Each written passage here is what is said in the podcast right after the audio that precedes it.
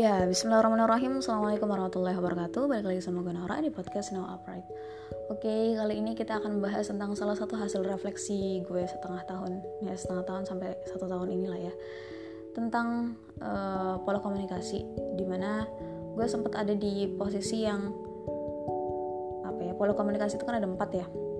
Gue sempat ada di posisi yang kayak pengen dominan banget gitu ya agresif banget sampai yang pasif banget gitu sampai ke yang apa? Pasif agresif gitu ya. Itu gue sempat ada di fase-fase itu gitu. Dan gue mengalami itu sama satu orang gitu ya. Jadi kadang ya kalau misal gue nanya nih lu tahu gak sih apa yang ada di pikiran gue sekarang? gitu. Atau gue nanya sama diri gue sendiri gitu. Gue tahu gak sih apa yang lu pikirin sekarang? gitu ya jawaban gue enggak gitu. Dan mungkin jawaban lu dari pertanyaan gue tadi juga enggak gitu. Kita kita semua ya sama-sama manusia yang punya dinamika berpikir yang beda-beda. Latar belakang yang membuat kita berpikir A B C D yang beda-beda gitu ya. Yang itu membuat kita ya nggak bisa menebak gitu apa yang ada di pikiran kita masing-masing tanpa ada penghubung tanpa ada jembatan tanpa ada media. Nah itulah uh, perlunya kita berkomunikasi gitu kan. Kita perlu yang namanya melakukan komunikasi secara baik bukan melakukan komunikasi yang tidak baik apalagi tidak berkomunikasi gitu kan. Nah gue sempet uh, apa ya karena gue berhadapan dengan apa mungkin gaya komunikasinya laki-laki yang beda banget sama perempuan gitu mungkin ya mungkin. Tapi sepengalaman gue sih gitu. Jadi ada hal-hal yang perlu gue rincikan lagi dari uh, sampai akhirnya gue beralih dari yang uh, apa komunikasi pola komunikasi agresif sampai yang pasif sampai yang pasif agresif sampai yang gue berusaha untuk asertif. Nah apakah gue akan terus-terusan asertif? Ya mungkin di satu sisi bisa jadi gue bisa ber terus bertahan gitu ya tergantung situasi dan kondisi kan. Nah yang jadi masalah gue adalah kadang gitu ya ketika gue itu ada di gue berusaha untuk menjadi sosok yang asertif gitu. Berusaha untuk apa ya iya berdialog lah gitu. Berdialog. Pure tanpa tendensi apa pun gitu. Kadang uh, dengan latar belakang gue yang seperti itu gitu ya. Misal kayak gue nih gue punya satu temen yang gue udah percaya banget sama ini orang gue udah ceritain semuanya. Tapi mungkin karena ya gue ngalamin lah. Gue maksudnya gue memposisikan diri ya sebagai orang itu. Kalau gue dicur dicurhatin tentang satu hal yang sama tentang masalah hati tentang masalah eh, perasaan-perasaan mungkin ada ada fase di mana seseorang itu jengah. Ada fase di mana kita jengah gitu ya. Dicurhatin terus sama satu orang yang sama curhatnya juga gak beda jauh gitu ya. Sampai akhirnya uh, dia ini me, apa ya? Ya udah gitu. Sampai akhirnya dia ini me, memutuskan udah I'm give up with this person gitu ya. Dia nyerah sama gue gitu. Dia nyerah sama gue. Dalam artian uh, gue di situ merasa jadi si teman gue ini agak jelimet ya ceritanya. Jadi si teman gue ini malah nanya ke teman-teman yang lain ini si Naura kenapa ya? Si Naura kenapa ya? Si Naura kenapa ya? Gitu. Padahal in case gue udah mm, menjelaskan di situ kalau misal gue ini gak ada tendensi apa pun. Gue menanyakan satu hal tersebut murni karena gue ingin mengevaluating diri gue dan tim gue gitu ya tapi ternyata dianggap serius dianggap uh, apa gue tuh udah dicap mungkin ya gue tuh sosok yang bermasalah gitu dalam tanda kutip. Entah mungkin ya karena tadi karena kejengahan dia gitu ya menerima curhatan gue yang mungkin sesering itu gitu sampai membuat dia itu bertanya seperti itu kepada orang lain seakan-akan dia nggak pernah denger gue tuh cerita kayak gitu gitu seakan-akan dia tuh orang baru buat gue gitu. Ngerti kan ya? Jadi karena kejengahan dia itu dia nanya sama orang lain. Padahal gue di situ nggak ada tendensi apa pun. Gue berpikir bahwa oh ternyata label ini masih berlaku ya buat orang-orang yang uh, apa ditakdirkan sebagai kalau dalam istilah kita broken home dan lain sebagainya. Padahal apa ya gue sendiri nggak menafikan ya. Ya, ya memang itu sakit ya memang itu perih tapi kan gue harus go on gitu ya.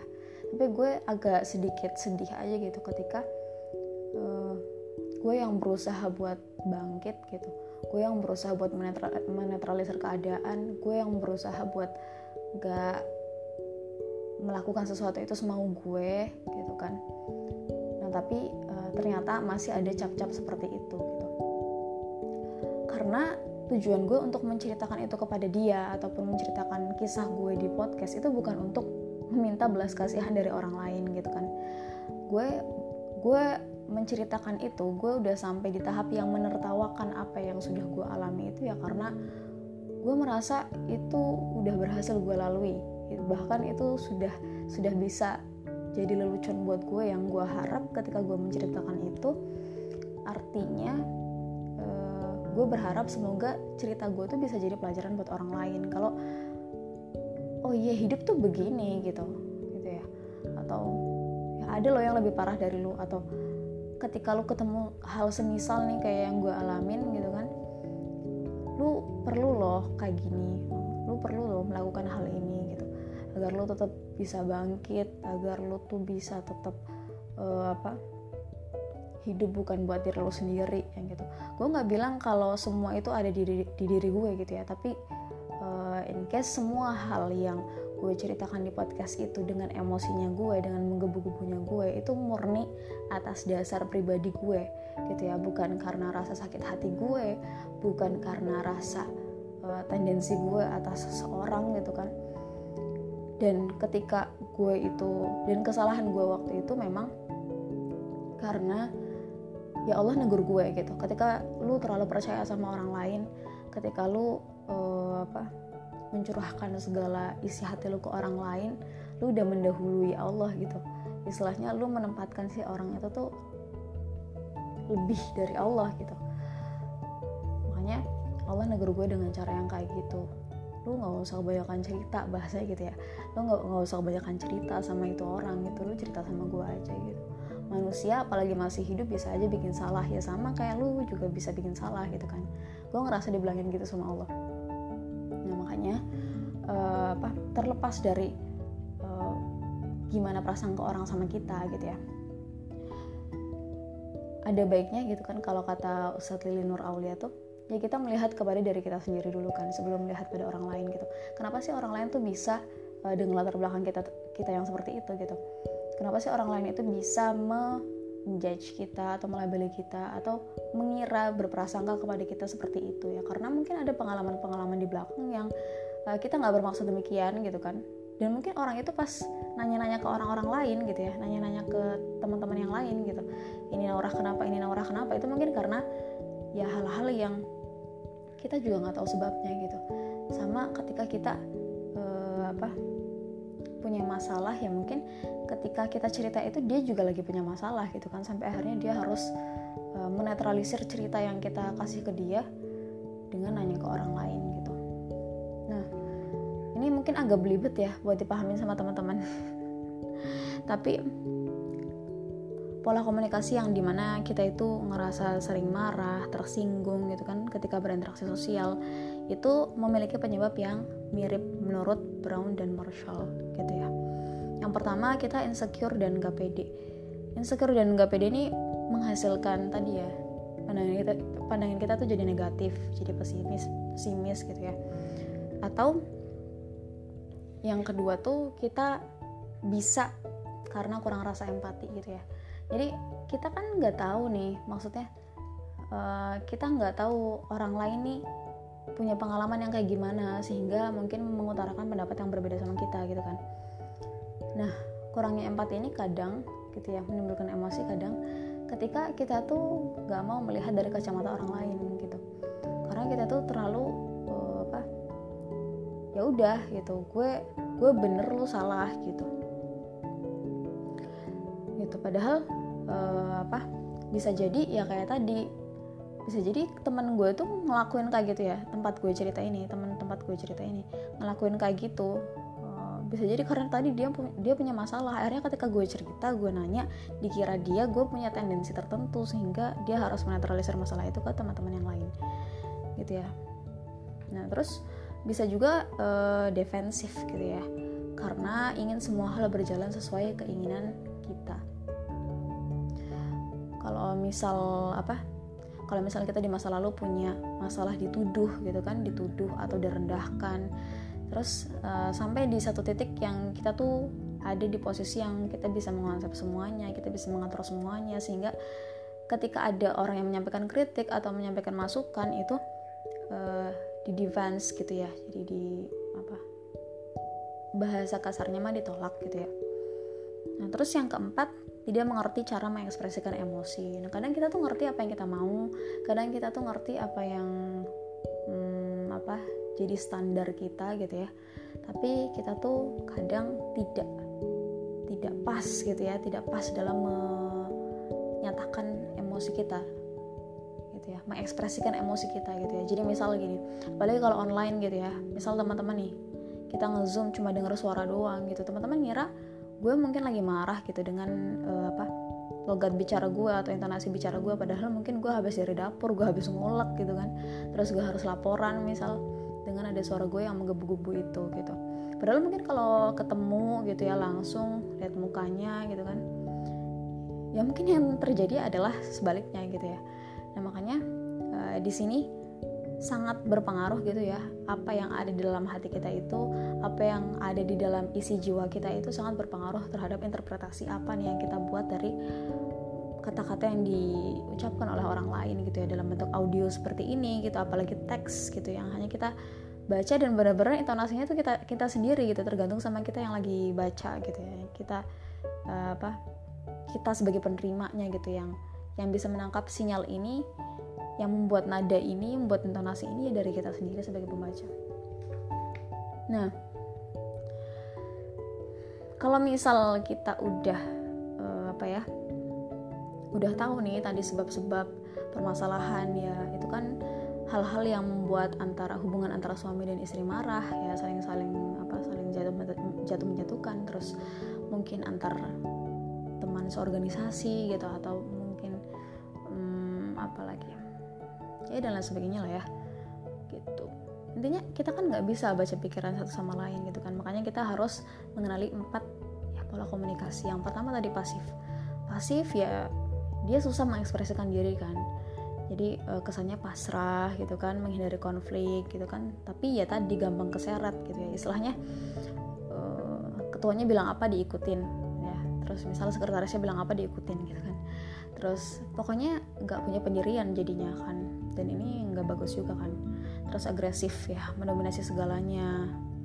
Contohnya ya kata-katanya mengintimidasi gitu kan. Terus kritiknya panjang. Gue bener lu salah gitu ya. Nah padahal ya tadi kadang kalau misal kita pikir gitu ya gimana kita bisa berkembang? Ya mungkin dengan asumsi kita kita baca buku dan lain sebagainya.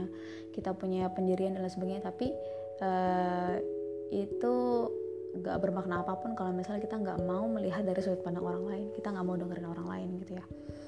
Nah terus yang ketiga pasif agresif gitu ya. Nah jadi bentuknya tuh pasif gitu. Jadi ngomongnya tuh pelan-pelan.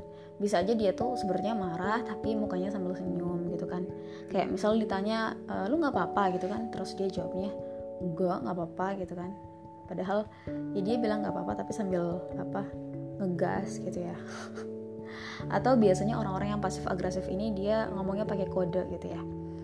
Misal kayak kita nanya uh, satu hal tapi dia balasnya uh, apa pakai isyarat gitu. Yang membuat kita tuh kadang berpikir lagi gitu ini maksudnya apa gitu. Yang kadang uh, mungkin buat orang-orang yang uh, apa dominan tadi ya buat orang-orang yang agresif itu mungkin akan makin agresif lagi gitu ya ketika bertemu orang-orang yang seperti ini gitu. Tapi ketika uh, apa sama-sama asertif gitu kan ya win-win solution gitu. Jadi menggabungkan sisi positif dari ketiga pola komunikasi tadi pasif agresif pasif agresif gitu ya. Jadi sifatnya terbuka dan tidak memaksa. Ya tadi ada dialog gitu kan. Uh, ada dialog ada pola komunikasi dua arah yang baik jelas gitu kan. Yang satu maunya apa yang satu maunya apa dikombine dikompare sampai menemukan uh, keputusan yang baik gitu kan. Yang disepakati bersama gitu kan. Nah sebenarnya ada beberapa hal ya, semacam tips gitu biar kita tuh bisa punya pola komunikasi yang asertif itu kan. Yang pertama I statement gitu. Kita biasakan untuk me, apa ya mengekspresikan yang namanya emosi itu dengan kalimat yang baik ya kalimat yang baik dalam artian kita tidak menuduh kita tidak menjudge kita tidak menyudutkan gitu ya. Tapi uh, kita merefleksikan merefleksikan dalam artian kita to the point aja to the point aja bagian mana yang kita itu kurang suka dengan bahasa yang halus gitu. Jadi jangan misalkan kadang kalau perempuan tuh uh, ini ya kebaikan yang dilakukan sama orang lain itu sebenarnya banyak tapi karena satu kesalahan akhirnya kelihatannya semuanya buruk gitu kan. Nah padahal kita harus memperjelas nih kita harus validasi sebenarnya kita tuh nggak sukanya di mana kita sukanya di mana. Maka yang kita sampaikan yang kita nggak sukanya di mana gitu. Disampaikan dengan bahasa yang tidak menyudutkan. Nah tapi kadang ya tadi kalau misal ketemunya sama-sama orang yang asertif juga gitu ya. Ketemunya sama orang-orang yang tidak bermasalah dengan emosinya gitu kan ya mungkin nanti dia akan memahami gitu kan. Tapi kadang ada orang yang ketika dibegitukan malah defensif. Nah itu beda soal ya. Beda soal. Nah terus yang kedua menjaga kontak mata gitu ya. Jadi kontak mata itu adalah bahasa yang paling jujur dari manusia ya. Bahasa yang paling jujur dari uh, jiwa gitu. Makanya gue kalau misal apalagi ketemu offline gitu ya gue uh, berusaha untuk ya meskipun gue dulu basor ya cuma kalau misalnya ada orang ngomong tuh gue nggak bisa yang kayak uh, apa nunduk gitu. Kayak jadi gue liatin gitu. Orang ngomong apa tuh gue pengen liatin matanya itu gue pengen liatin gitu. Uh, karena dari sana uh, gue pernah ya nyoba uh, ke gue bermasalah sama satu orang. Sebenarnya bukan masalah sih gitu. Karena nggak ada komunikasi yang baik di sana gitu. Sebenarnya gue ketemu offline terus gue coba terus tatap matanya gitu kan ketika dia ngomong dari yang awalnya dia buang muka sampai yang akhirnya dia open gitu. Dia open maksudnya dia nggak uh, lari-lari lagi matanya gitu. Nah itu uh, salah satu apa ya dengan kita menatap matanya tuh kita tahu gitu. Maksudnya dia aware gak sih sama sama kita tuh ada nih gitu. Kita tuh ada di sini gitu. Dengan dia menyadari kehadiran kita tahu kita mendengarkan gitu kan maka dia akan mentreat kita secara lebih baik daripada sebelumnya gitu kan. Daripada uh, sebelumnya misal lewat luring kita cuma eh lewat daring kita cuma lewat zoom gitu kan. Cuma dengerin suara doang. Atau bahkan cuma baca chat-chat doang gitu kan. Itu terus kalau misal apa yang ketiga gitu ya kita berani mengatakan tidak. Tetap ya yang namanya asertif itu bukan berarti kita uh, apa iya iya aja atau misal kita uh, kekeh sama prinsip kita kita tetap mengatakan tidak pada hal-hal yang menurut kita itu sudah tidak bisa dikompromikan gitu kan. Nah makanya ini butuh dialog butuh diskusi karena ya tadi uh, pola pikir orang itu beda-beda isi hati orang beda-beda latar belakang orang beda-beda. Tapi dari kesemua perbedaan itu pasti ada satu kesepakatan yang disepakati bersama yang ingin dijalankan bersama yang tidak memberatkan uh, bagi kepentingan bersama gitu kan. Yang yang sifatnya maslahat gitu kan jadi ketika kita menemui hal-hal yang menurut kita itu nggak sesuai atau kurang ya kita bisa mengatakan tidak. Terus uh, apa? Yang keempat gitu ya kita bisa menjelaskan apa mau kita dengan percaya diri gitu ya. Karena ketika kita uh, apa? terbiasa untuk uh, mengatakan ya apalagi perempuan mungkin ya kita terbiasa untuk mengatakan saya tuh maunya begini, saya maunya begini, saya maunya begini. Terlepas dari yang namanya organisasi itu memiliki aturan yang sudah disepakati tadi secara tertulis ya yang tadi atas kertas gitu kan. Tapi ada yang tadi namanya personalisasi komunikasi yang itu uh, apa sangat berfungsi ya dan sangat gue rasakan untuk memecahkan permasalahan gue sama si teman gue yang tadi gue ceritain di awal itu. Nah karena gitu ya dari pola komunikasi ini dan kita tahu kapan kita menggunakannya itu akan sebenarnya akan memudahkan urusan kita gitu.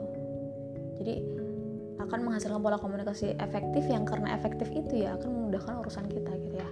Jadi uh, tolak ukur sebenarnya yang paling sederhana dari yang namanya pola komunikasi asertif itu ya apa yang kita pikirkan dan apa yang orang lain pikirkan yang jadi komunikasi kita itu sama gitu.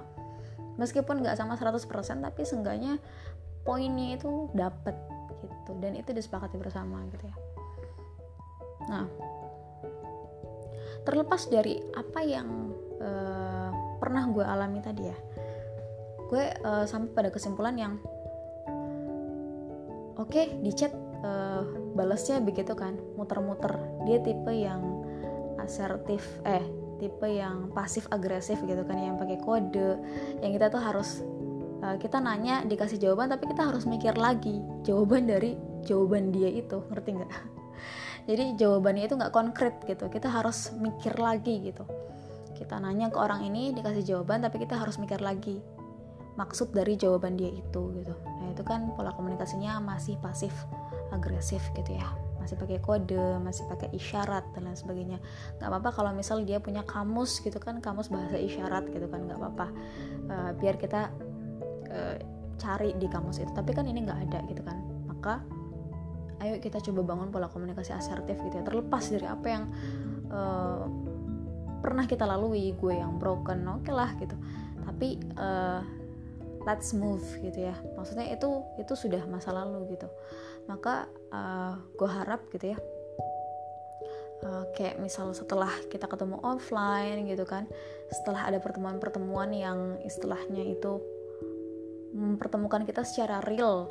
Kita ngelihat mimik mukanya ngelihat gestur tangannya kemudian gestur tubuhnya bahasanya intonasinya dan lain sebagainya. Itu membuktikan bahwa sama orang ini gue mikir oh mungkin dia ini tipe yang komunikasinya verbal gitu. Tapi ya tadi karena memang gue memahami bahwa oh ada orang-orang yang tadi susah mengekspresikan dia ini maunya seperti apa. Dia tahu dia itu bisanya apa.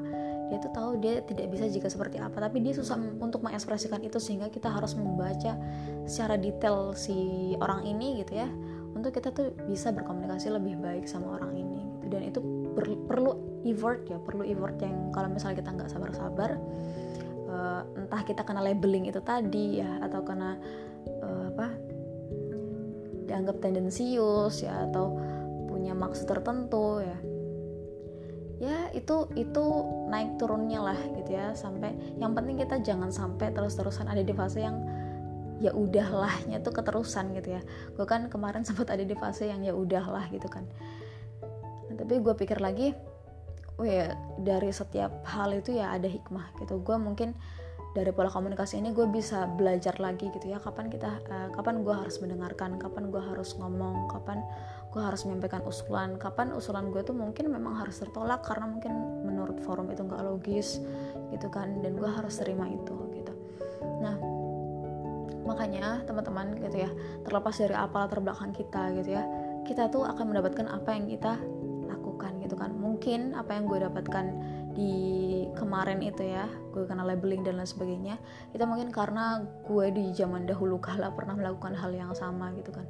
Tapi ya tadi gitu kan let baikon be baikon gitu ya. ya itu udah udah lewat gitu kan. Makanya gue berusaha untuk ya udah straightforward straightforward aja gitu. Apa yang bisa gue lakukan buat ke depan ya udah kita lakukan aja kita maju aja gitu kan. Kadang kan kita juga ketemu orang yang oh di apa di dunia sosial medianya di apa di dunia onlinenya itu beda gitu sama ketika kita ketemu offline gitu kan. Nah itu juga menjadikan gue yang kayak oh ini dunia gitu. Ini dunia tuh kayak gini gitu. Uh, kadang membingungkan kita gitu kan. Kita harus bersikap seperti apa. Kadang buat orang-orang yang introvert pasti ngerasain ya kehabisan energi untuk bertemu orang lain mencharge lagi gitu kan untuk bisa senyum di depan orang untuk bisa ketawa di depan orang bahkan mensupport orang lain ketika kita sendiri lagi capek gitu misalnya. Nah ini. Uh, jadi apa ya? Ya pesan pesan moral pesan moral dari podcast gue kali ini adalah uh, hiduplah di hari ini gitu ya. Karena kenapa dipanggil present ya? Karena ini adalah suatu hadiah gitu. Waktu kita hmm, orang-orang yang kita jumpai di hari ini waktu-waktu yang kita lewati hari ini kesempatan yang kita punya hari ini ya itu sebagai hadiah dan maksimalkan gitu ya. Kita oke okay, yang udah lewat jadi pelajaran gitu kan. Yang udah lewat jadi pelajaran. Kita tinggal maksimalkan apa yang bisa kita lakukan sekarang apa yang kita bisa perbaiki mulai dari sekarang agar di masa depan kita tidak mengulangi kesalahan yang sama di seperti yang kita alami di masa lalu gitu. Yang kedua, jangan terlalu percaya sama orang lain. Se uh, apa segampang apa pun seorang ini menerima curhatan kita ya namanya manusia uh, sama kayak kita sama kayak kita. Pasti punya salah pasti punya hilaf pasti punya masalah juga gitu ya. Yang kadang dia ini sendiri perlu didengarkan gitu kita sendiri perlu didengarkan gitu. Uh, dunia ini nggak ber nggak nggak terus terusan mengelilingi kita kan. Maka kembalinya sama Allah gitu ceritanya lagi sama Allah kita apa kumpulin teman-teman yang bisa mengajak kita kepada kebaikan gitu ya. Yang selalu ada kalau kita jatuh dan lain sebagainya. Dan kita juga jangan lupain gitu ya. Ini yang poin ketiga yang terakhir. Jangan lupain kalau misalnya kita minta hak gitu kan. Jangan lupa kalau kita harus memastikan diri kita sudah memberikan uh, hak orang lain gitu ya kita sudah menunaikan hak orang lain sebelum kita meminta hak kita kepada orang lain gitu. Uh, mungkin itu aja gitu ya dari pola komunikasi itu. Yang pasti kalau misal kita mau kita lagi ngerasa mungkin kan kita sekarang udah healing gitu ya udah cooling down. Tapi kalau misal kita lagi kumat lagi gitu kan bahasanya ya kalau misal orang udah kenal labeling itu kan kadang kumat gitu ya dibilangnya ya. Nggak apa-apa nggak apa gitu kan. Itu kan bebas itu pandangan orang lain itu pikiran orang lain kita nggak bisa kontrol itu. Yang bisa kita kontrol adalah diri kita. Minimal dari apa yang kita lalui itu kita bisa evaluating diri kita sendiri gitu ya terlepas dari apa yang kita pelajari gitu kan. Uh, apa yang kita alami gitu ya kan bersama orang lain ya udah gak apa-apa gitu. Yang penting uh, tadi kita bisa evaluasi dari kita sendiri kurang kita apa apa yang kita bisa lakukan lakukan kita bisa relaksasi kan? Kita bisa apa terus mengoptimalkan pola komunikasi asertif itu tadi gitu kan? Terus kita ya tadi coba lihat dari perspektif orang lain. Barangkali dia ini salah berbuat salah sama kita ya karena dia lagi punya masalah gitu. Tapi sayangnya kita curhat ketika waktu yang gak tepat sehingga dia ini membocorkan ke mana-mana misal kayak gitu ya. Dan yang terakhir kita uh, menyadari kalau tadi ya kita nggak boleh terlalu keras sama orang lain. Karena tadi kita sadar bahwa mungkin orang lain ini lagi punya masalah. Tapi kita juga jangan lupa kita jangan terlalu keras sama diri sendiri gitu ya. Kita oke okay, punya empati berusaha untuk memahami orang lain. Tapi kita juga jangan lupa untuk memahami diri sendiri mengasihani diri sendiri gitu ya. Jadi ya terserah orang lain mau menganggap kita dengan labeling itu mengasihani diri kita gitu kan dengan cerita-cerita kita yang mungkin padahal kita anggap sebagai pelajaran tapi dianggap tendensius dan lain sebagainya biarin. Yang penting tadi gitu. Jangan lupa untuk memahami diri kita sendiri gitu. Ada batasan di mana kita harus empati kapan kita harus uh, apa punya standar pribadi gitu kan atau punya standar bersama gitu. Itu semua ditentukan ya. Itu semua nggak uh, akan jadi pikiran kalau kita punya filsafat hidup stoa itu tadi ya stoicism kalau misal teman-teman masih ingat. Gitu ya. Jadi kita pikirin apa yang perlu dipikirin kita apa stop apa yang nggak perlu dipikirin gitu kan. Karena ya dunia ini berjalan waktu terus berjalan. So jangan habiskan buat hal-hal yang uh, sifatnya nggak produktif sifatnya cuma perasaan diskusi-diskusi uh, ngambang yang nggak ada follow upnya gitu ya kurang lebihnya itu aja.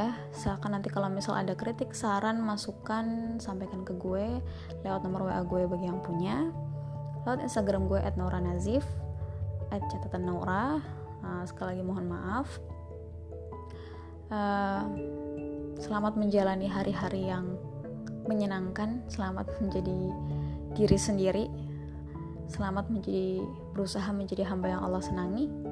Wassalamualaikum warahmatullahi wabarakatuh